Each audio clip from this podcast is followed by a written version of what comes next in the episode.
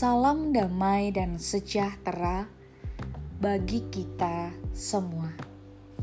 Saudara yang terkasih, hari ini kita akan bersama-sama merenungkan firman Tuhan yang diambil dari Zakaria 14 ayat 9. Maka Tuhan akan menjadi raja atas seluruh bumi. Pada waktu itu Tuhan adalah satu-satunya dan namanya satu-satunya. Tuhan Raja yang berkuasa. Jikalau kita melihat kenyataan yang ada, semakin hari kejahatan di dunia ini semakin merajalela. Bencana alam terjadi di mana-mana. Terjadi perselisihan, bahkan juga terjadi penyakit yang aneh-aneh. Seperti yang sedang kita hadapi saat ini, COVID-19.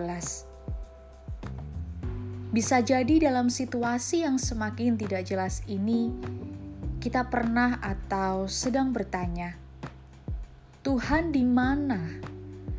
Kenapa Tuhan tidak berdaya untuk menghapus itu semua? Saudara, dalam bacaan kita, penderitaan pun dialami oleh umat Allah ketika bangsa Israel berulang kali ditaklukkan oleh bangsa-bangsa yang lain. Mereka mungkin bertanya hal yang sama: "Tuhan di mana?"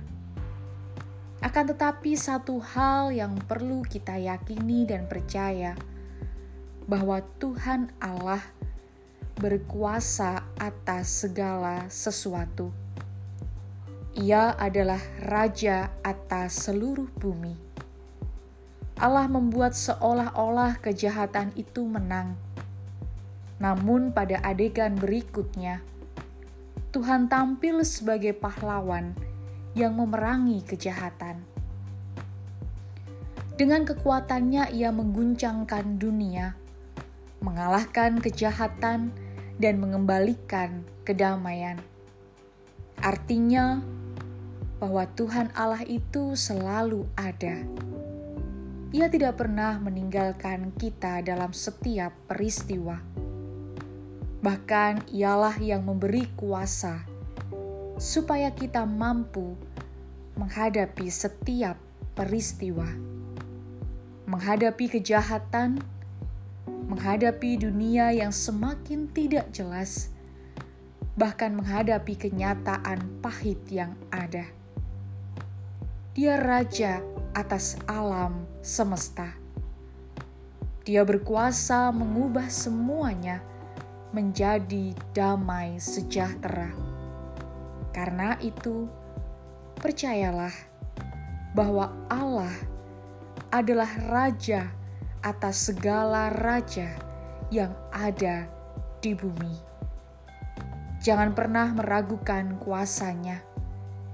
Kejahatan memang ada dan sedang melebarkan pengaruhnya, tetapi semua dalam kendali Allah yang berdaulat. Maka, percayalah bahwa Ia berkuasa atas segalanya. Tuhan Yesus memberkati kehidupan kita. Amin.